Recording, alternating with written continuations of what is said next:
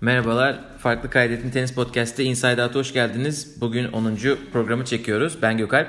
Ben Anıl, merhaba. Ee, size bugün Madrid'den sesleniyoruz. Olayın, olay mahallinden.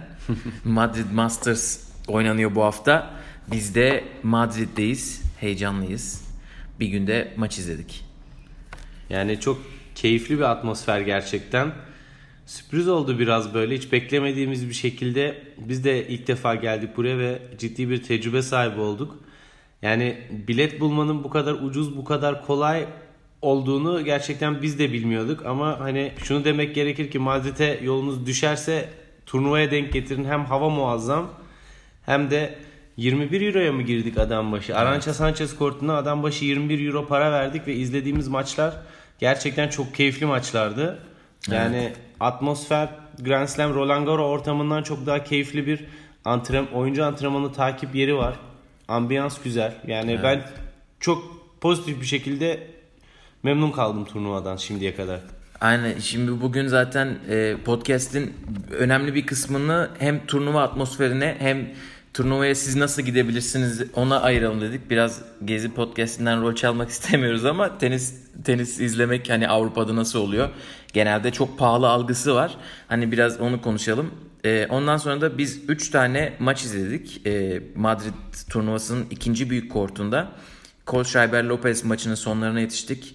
Sharapova Mladenovic bir de Team Delbonis. Bu maçlara kısaca değineceğiz. Ee, ilkinden başlayalım atmosferden.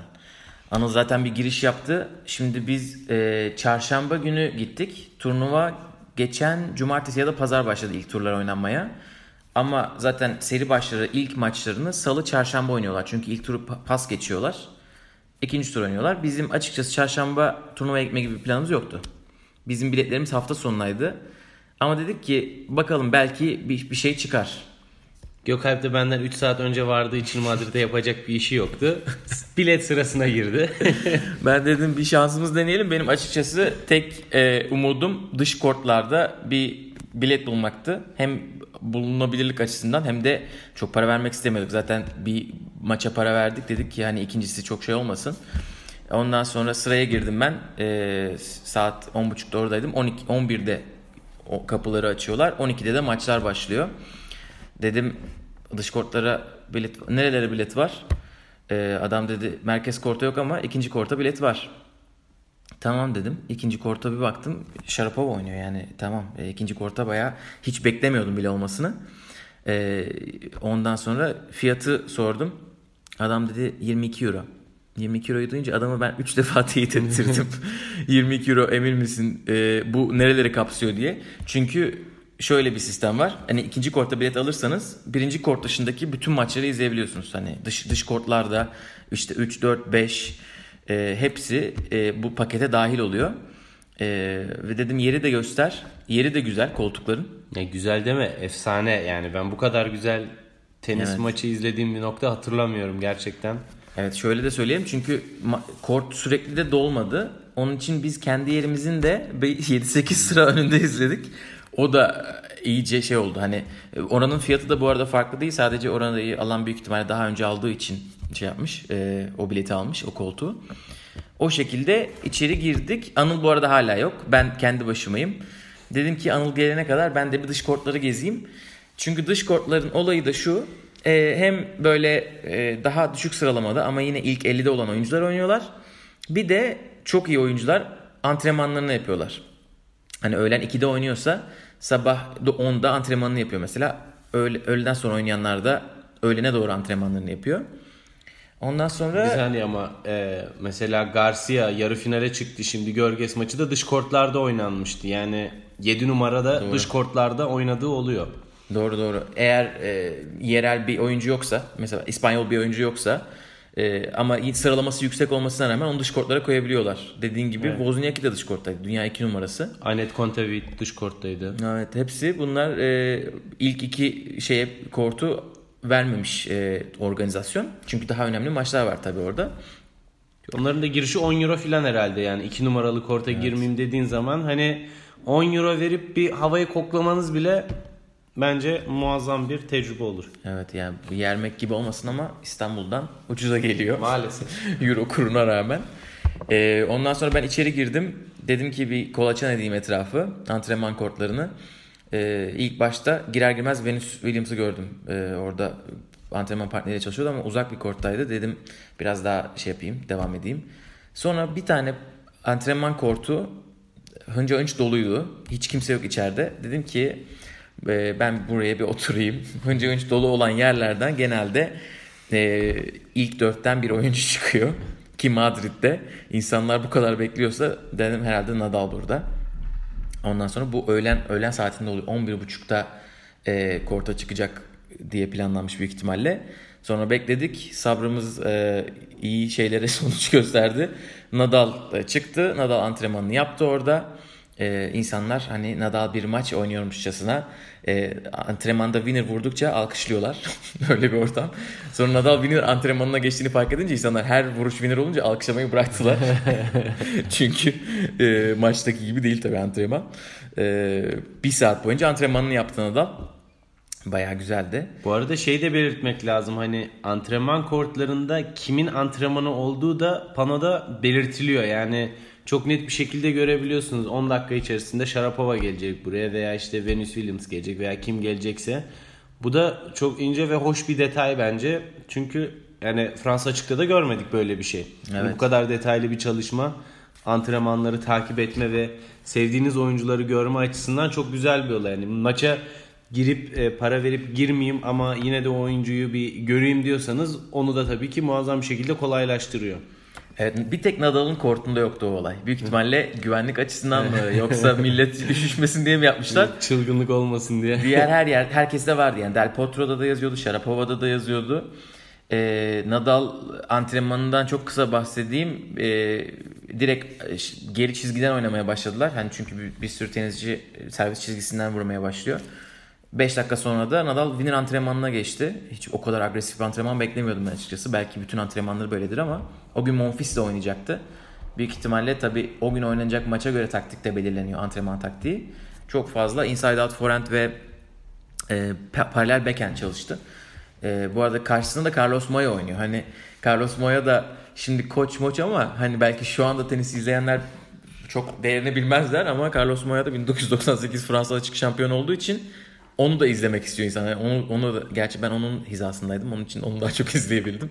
Nadal'dan çok ama Nadal'ın da hani bir atmosfer, şey, antrenman atmosferini çok güzel e, izleyebildim. Onun için yani bunların hepsi tekrar 22 euroya oluyor diye reklamını da yapmaya devam edeyim. Ondan sonra e, ben korta geçtim. ikinci korta. Bu arada Anıl beni arıyor. İşte valizle geliyorum. Valiz bırakabilecek miyim içeri gibi. On, o da çok kolay. Evet bu tesis arada. her şeye uygun. Onunla bile gelip emanete verebiliyorsunuz. Ya vakit kaybetmeyeyim diye direkt kortlara geldim. Kaç 2 euro ödüyorsunuz. İstediğiniz kadar gece yarısına kadar orada bırakabiliyorsunuz eşyalarınızı çok kafa rahat bir şekilde. Hani Aynen hiç vakit kaybetmeden tak diye e, gelip oradan evinize geçmenizde herhangi bir sıkıntı olmuyor.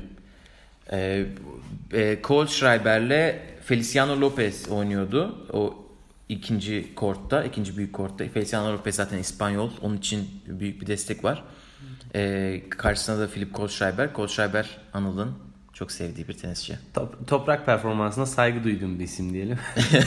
Bu arada Feliciano Lopez de hala 36 yaşında ama 228 km hızla servis atıyor. Yani belirtmekte fayda var. Evet. Normalde Adam, çime yani, daha uygun ama toprakta da çok güzel oynadı. Kendine çok iyi bakmış ve inanılmaz fit bir görüntüsü vardı. Yani saygıyı hak eden bir şekilde profesyonel bir sporcu. İzlenim uyandırdı bende. Feliciano Lopez bu Master turnuvası ile beraber Federer'in elinden de şey ünvanını almış. En çok Masters oynayan e, o, o da hani ne kadar sakatlanmadığını, ne kadar uzun süreye yayabildiğini gösteriyor. E, bir de Masters oynamak için iyi bir ranking de gerekiyor evet. tabii. Önümüzdeki sene Feliciano Lopez ile ilgili ilginç bir şey de Madrid turnuvasının e, direktörü olacakmış. Tommy Haas da onu oynarken yapmıştı. Evet. Oynadığı sırada.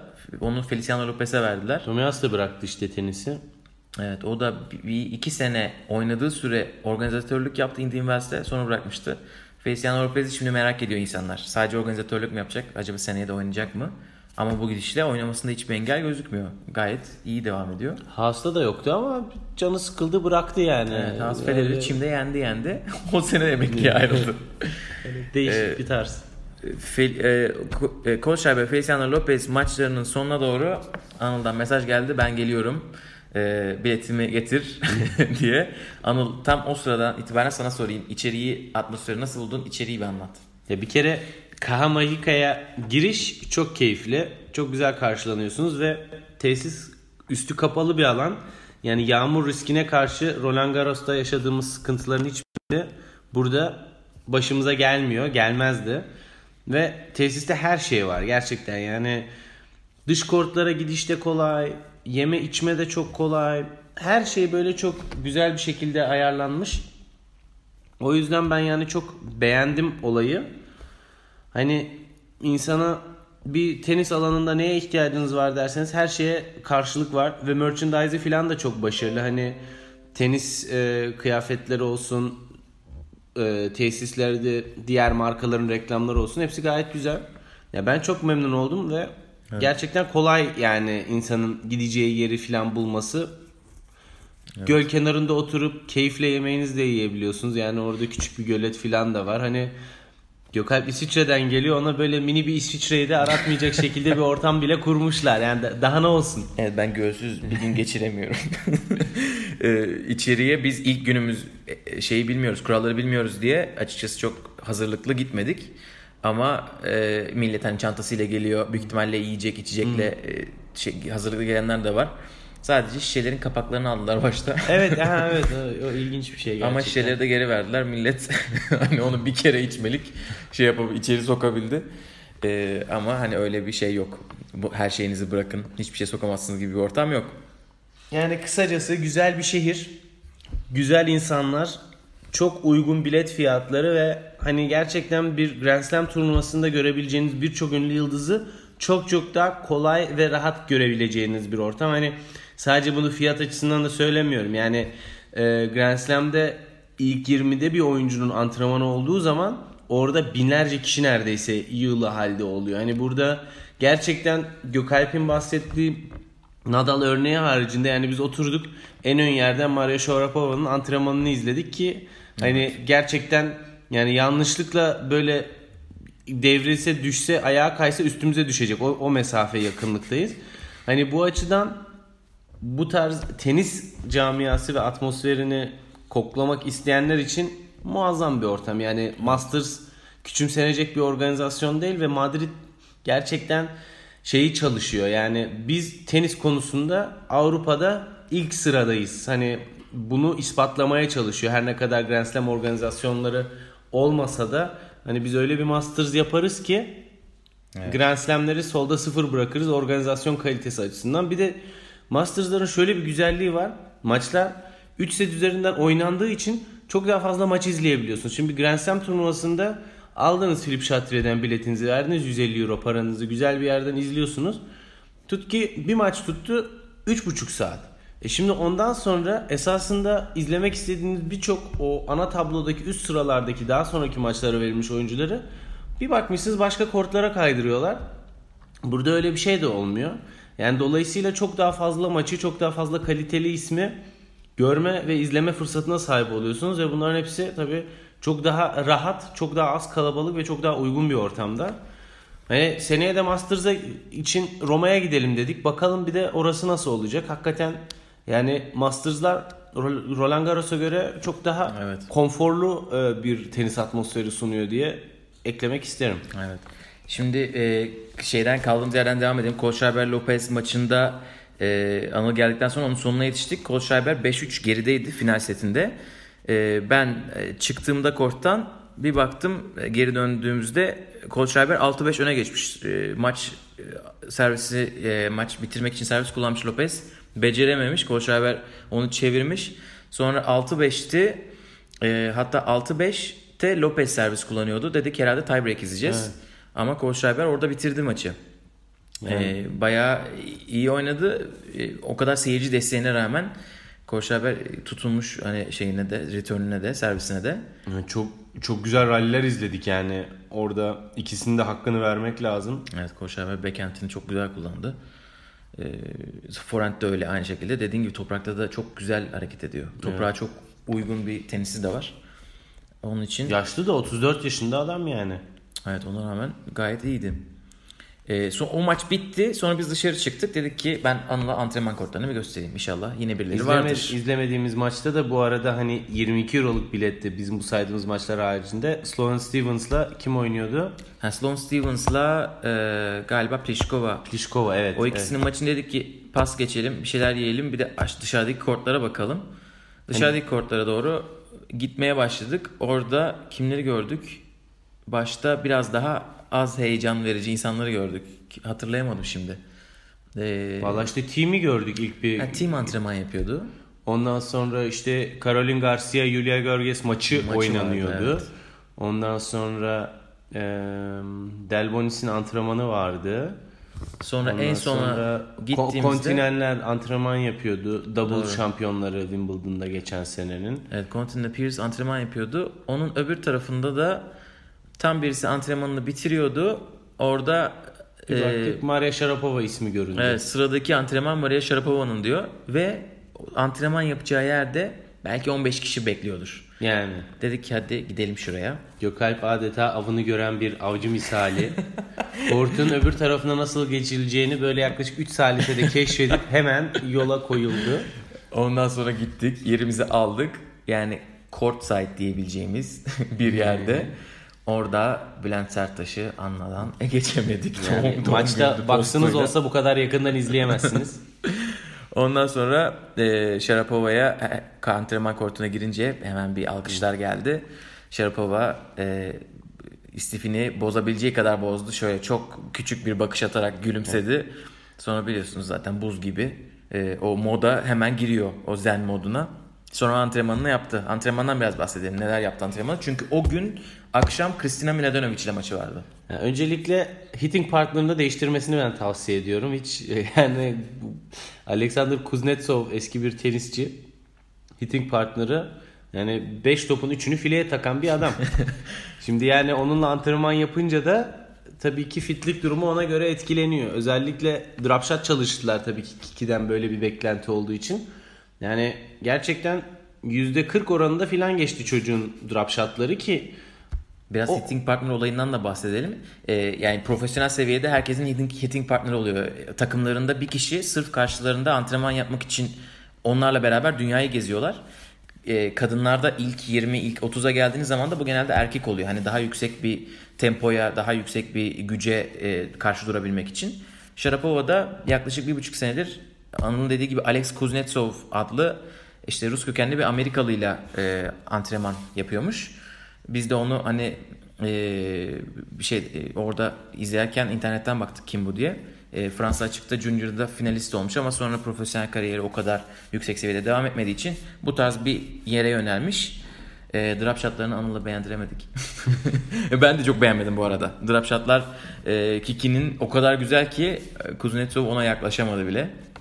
Başka neler çalıştılar? Ee, şey çalıştılar. Forehand winner çalıştılar biraz. Evet. Ondan sonra passing be, shot da vardı. Passing shot çalıştılar. Çapraz backhand de çalıştılar evet. ciddi bir şekilde. Ve hani işin güzel yanı antrenmanı izleyip sonra da maçı izlediğimiz zaman hakikaten bunun bu antrenmanın etkisinin ne kadar önemli olduğunu da gördük. Hani diyorlar ya koç ne yapıyor, koç ne yapıyor işte koç bunları yapıyor hakikaten mental olarak da taktiksel olarak da karşı tarafı çok iyi analiz edip çok güzel maç öncesi antrenman yaptılar ve bunun karşılığını da aldılar maçta diye düşünüyorum. Çünkü güzel geçti maç ve bütün kritik puanlarda yani resmen o antrenmanda çalıştığı sayıları kortta winner olarak görünce diyoruz ki evet yani evet. bu işin mantığı böyleymiş. Hani Aynen. onu da gözlemleme fırsatımız oldu. O açıdan güzel bir bağlantı oldu antrenmanla e, maç arasında. Evet antrenmanı izlerken direkt ona dikkat edince maçın daha çok zevki çıkıyor. Sharapova'nın koçu Thomas Högstedt önceden de beraber çalışıyorlardı. Högstedt bu yani Mladenovic'i bu arada zaten analiz etmek çok zor değil. Geçen sene de toprakta Stuttgart'ta bir maç oynadılar ikisi Mladenovic ve Sharapova ve Mladenovic o maçı çok yakın bir yerden çevirip kazanmıştı. Ee, şimdi Mladenovic'in olayı tabii çok çeşitli bir oyunu var ve e, hani eli slice'a çok yatkın. Drop shotları çok güzel yapıyor. E, ve biraz daha atak oynamayı seviyor. Öyle olunca da tabii koç demiş ki e, bu kız fileye gelecek biz passing shot çalışalım ve drop shot'a koşmaya çalışalım. Sırf drop shot rutini vardı. Karşı taraf işte Alex Kuznetsov partneri drop shot bıraktı. Sharapova yetişmeye çalıştı. E, maçta da en az bir 4-5 defa yetişti oldu. İlkini kaçırdı evet. galiba. İlki çok güzel bir drop shot'tı maçta. Evet. Sonrakilerin hepsini kaçırıp e, pardon yetişip winner'a çevirdi. Orada bir de antrenmandakinin aksine beken çapraz vurmayı denedi sanırım. O yüzden başarılı olamadı mı? Öyle bir şey oldu. Evet, Sonra hep doğru. backhandiyle paralel geçti noktayı ve Kiki bir şey yapamadı. Hepsini aldı. Ki yani evet. backhand paralel dediklerimiz de hakikaten yani çizgi üstüne düşüyor hepsi. Yani öyle sıradan paralel vuruşlar değil. Maşallah çizgileri temizliyorlar hiç görevlilere gerek kalmadan.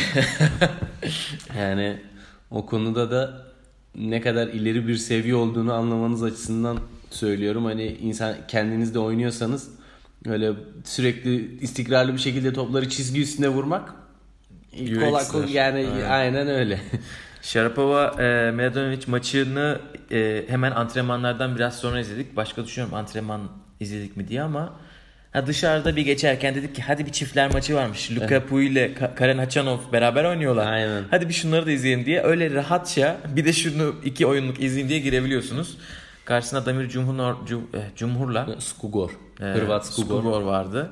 Hırvat. Onlar kazanmışlar zaten maçı ama zaten yani... Luka Pui o kadar iyi olunca bir de Hachanov'da yükselen değer en azından bir vuruşlarını izleyeyim diyorsunuz hani yakından. Yoksa çiftlere çok önem verdiklerinden değil. Yani çok vurmadılar bile toplara yani rally oluyorsa 10. topta filan Kaşanov bir e, winner tarzı vuruş deniyor. Onun dışında antrenman, vole, servis çalışmak için oraya geldikleri çok belli. Kafaları çok rahat.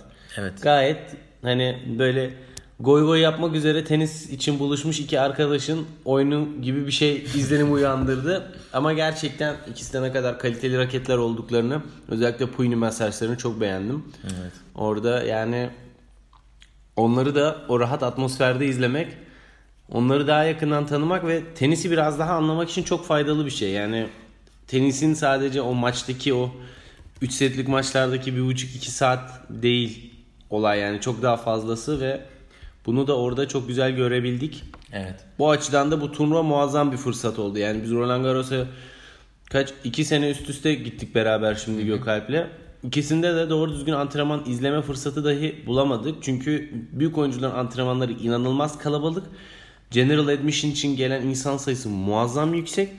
Efendi gibi kortumuza geçip Philip Chatrier'imize maçlarımızı izliyorduk. Çünkü geriye kalan bir şey yapmak isteyen binlerce insan var orada. Ve onların kortta yerleri yok. Dolayısıyla onlar hep oralarda. Burada öyle değildi ve o yüzden evet. çok yani işin o tarafını yakalamak çok güzel oldu. Aynen. Sonra dışarıdaki kortlarda birkaç şey izledikten sonra Sharapova Mladenovic maçına girdik. Ee, o maçla ilgili zaten konuşmaya başladık. Orada hani biz çok böyle geri çizgiye paralel yakın bir yerden maçı izledik. Onun için e, geri çizgiye olan mesafeyi analiz etmek çok kolay oluyor. E, Mladenovic bizi e, şeyden dolayı şaşırttı. Yani Serena Williams kadar yakında bekledi topları. İlk servisi Çizginin hani geri çizginin bekliyordu üstünde neredeyse. bekliyordu. O kadar atak bir hani görüş sergiledi. Hani dedik ki büyük ihtimalle bu kız bütün maç saldıracak. Ama sonra gördük ki return dışında return'ü vurdu atak bir şekilde sonra geri çekildi. Hep çizgideydi. Yani hatta geri, ya bir metre iki metre gerisine gittiği oldu.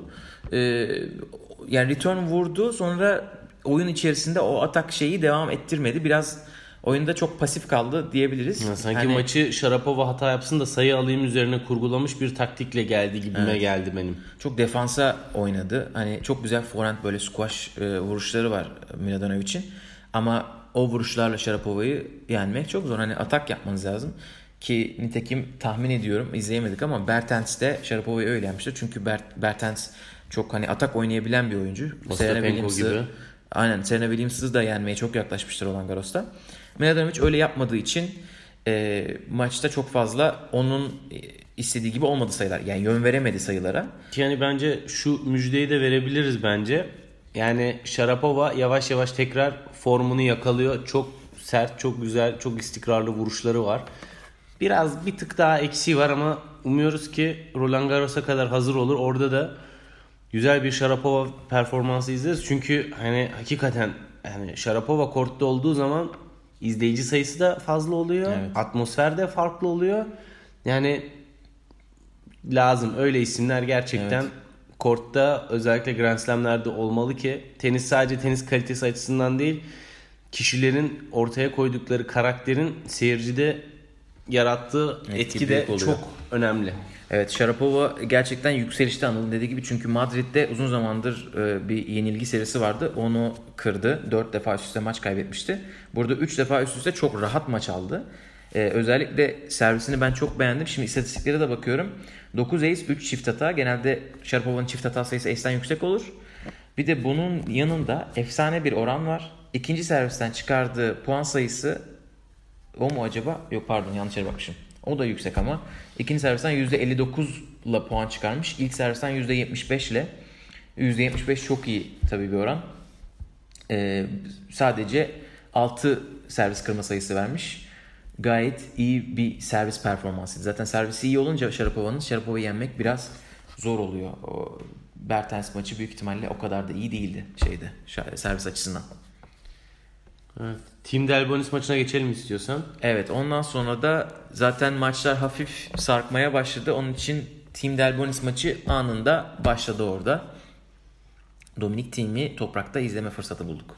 Yine bu ikinci kortta. Evet. Dominik Thiem'i daha önce Roland Garros'ta da toprakta izleme fırsatımız olmuştu ve ben açıkçası orada çok daha fazla etkilenmiştim Team'den. Ama geçen seneki toprak performansı zaten genel olarak çok üst düzeydi Team'in. Bu sene hala bence o seviyeye gelemedi. Vur- Vuruşlarında bir istikrarsızlık mevcut.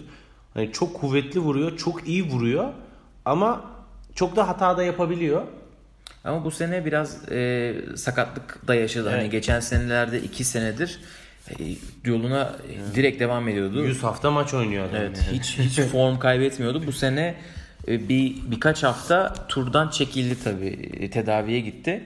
E, ama bu artık iki Master turnuvasıdır. Oynuyor. Hatta Monte Carlo'da Djokovic'i yendi. Hani Djokovic bu aralar yeniliyor ama Djokovic yenmek yine de kolay değil.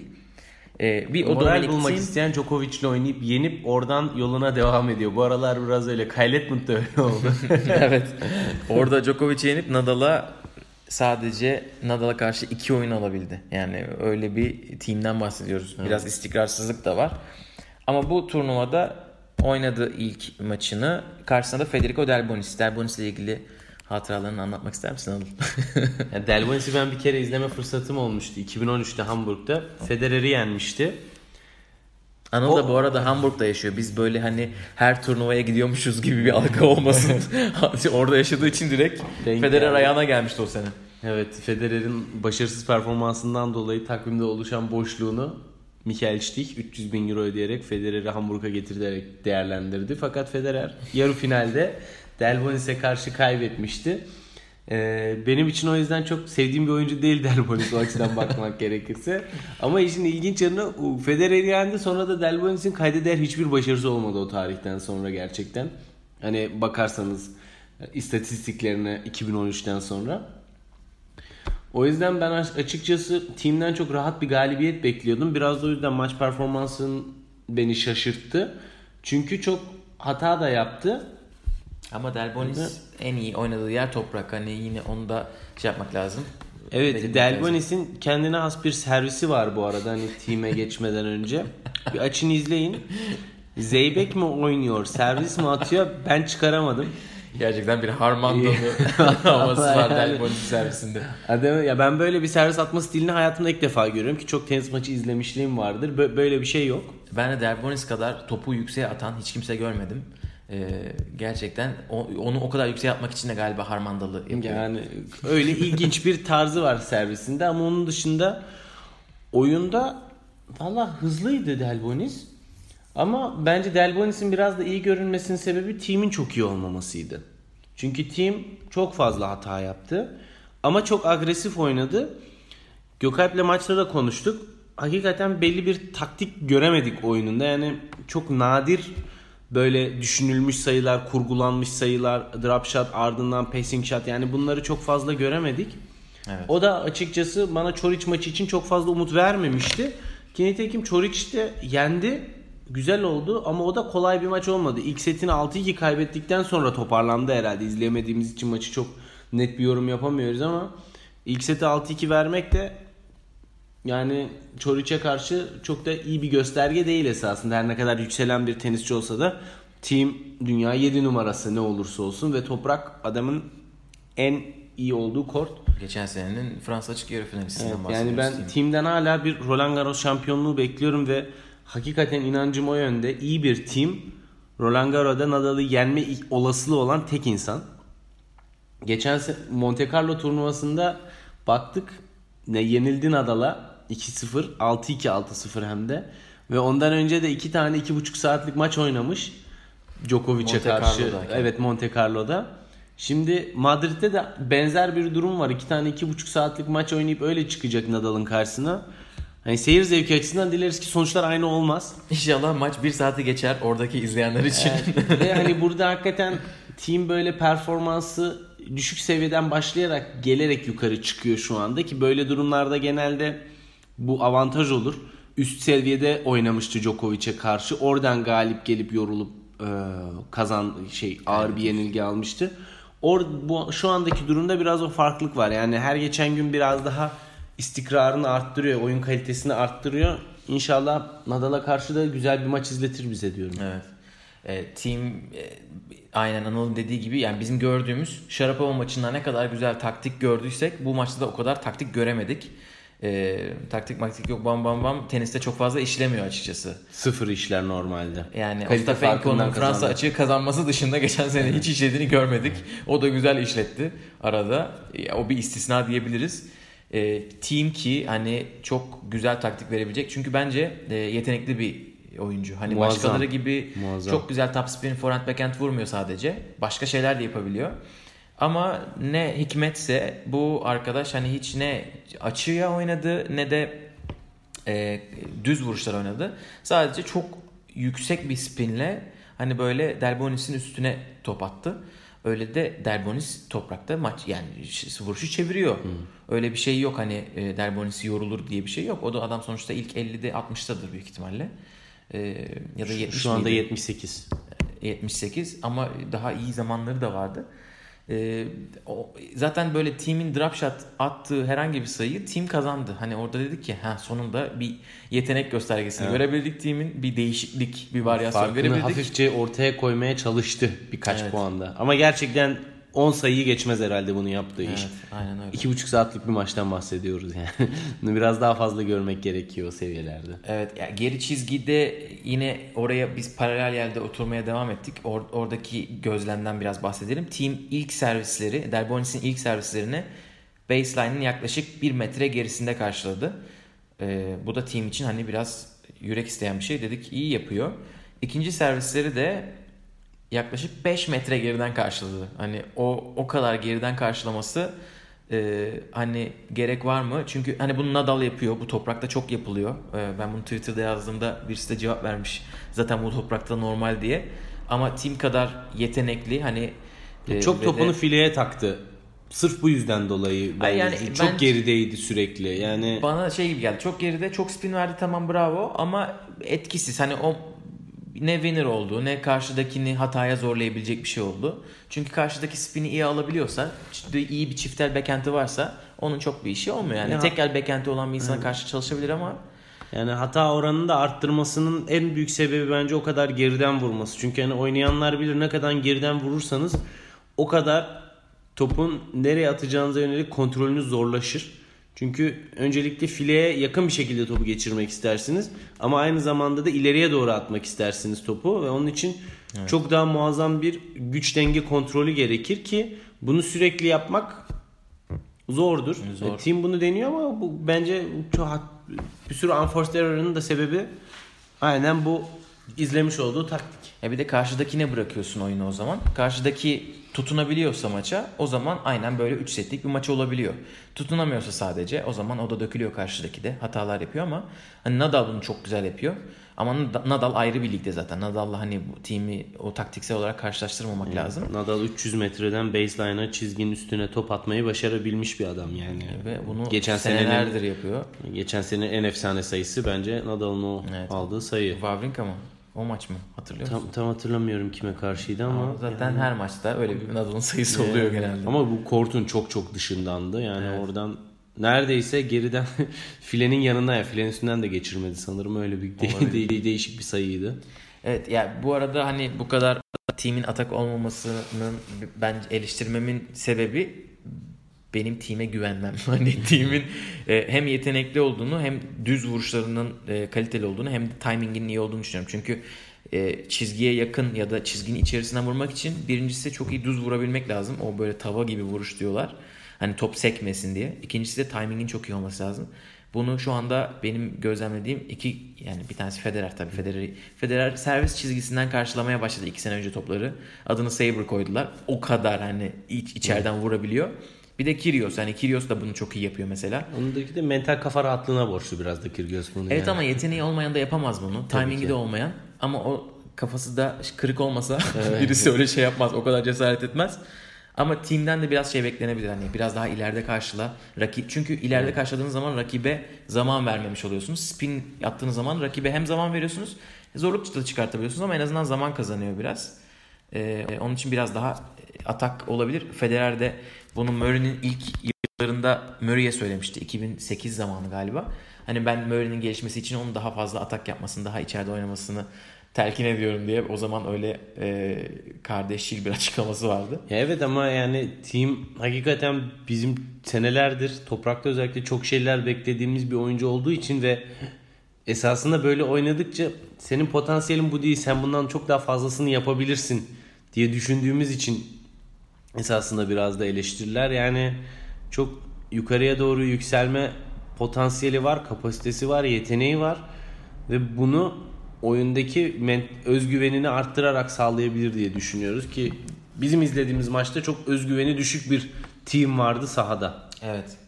Bugün günlerden e, 11 Mayıs Cuma. Bugün Dominic Team e, iki hafta aradan sonra Rafael Nadal'la yine bir Masters turnuvasında toprakta oynayacak. Yine iki tane iki buçuk saatlik e, toprak mücadelesinin ardından. Ardından Nadal e, o zaman e, kaç setlik bir şey vardı, streak'i vardı hatırlamıyorum ama şu anda o sayı 50'ye çıktı. 50 set e, arka arkaya kazanmış durumda. Rekoru da kırdı. Bir tiebreak bile oynamadan John McEnroe'nun bir zemin üzerinde arka arkaya kazanılan set rekorunu da kırmış oldu dün. Bugün time başarılar diliyoruz. Çok da dert etmesin. Çok üzülmesin. Her Schwarzman biraz yol yaptı. gelebilir. 6-3 6-4'lük galibiyet şey mağlubiyetle artık Nadal'a Nadal'a, karşı. galibiyet bile sayılıyor sanırım 7 oyunu almak toprakta. Ee, yani biraz umut olabileceğini, set alma olasılığının var olduğunu en azından time göstermiş oldu Schwarzman ki Schwarzman da tam toprakçıdır. Onun da toprak oyunu çok iyidir. Evet. Schwarzman'ı da izledik biz. Ee, evet biz Schwartzman'ı da izledik. Schwartzman hangi maçını izledik biz? Schwarzman'ı da izledik ya. Biz ne güzel maçlar izlemişiz. Evet, biz bir de Schwartzman'ı izlemişiz. Onu unutmuşuz. Schwartzman e, Schwartz bir dakika. Evet maçları sen karıştırdın. Schwartzman Lopez'le oynadı. Schwarzman Lopez, Pardon e, evet evet. Coach Schreiber Bautista Agu ile oynadı. Bautista Agut'la oynadı. Evet İspanyolları karıştırdık. E, Schwartzman Lopez maçı ama Lopez hakkında söylediğimiz her şey o maç içinde geçerli. Evet.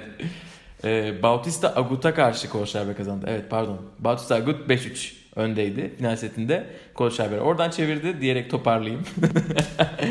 e, Feliciano Lopez de e, Schwartzman'la oynadı. Schwartzman bizi orada şaşırttı. İlk seti verdi. Ondan sonra Schwartzman e, Feliciano Lopez'e karşı şey yaptı. E, maçı çevirdi. Buraya kadar bizi dinlediyseniz ilk başta anlattığımız bütün her şey için şimdiden özür dileyelim. Ama orada kişisel e, şeyler, analizler yapmıştık. E, Schwartzman evet e, önce Feliciano Lopez'e karşı maç kazandı. Orada Schwartzman'ı çok çok iyi görmedik açıkçası. Toprakta en iyi oynadığı seviyeye yakın değildi. Feliciano Lopez'e karşı. Değildi.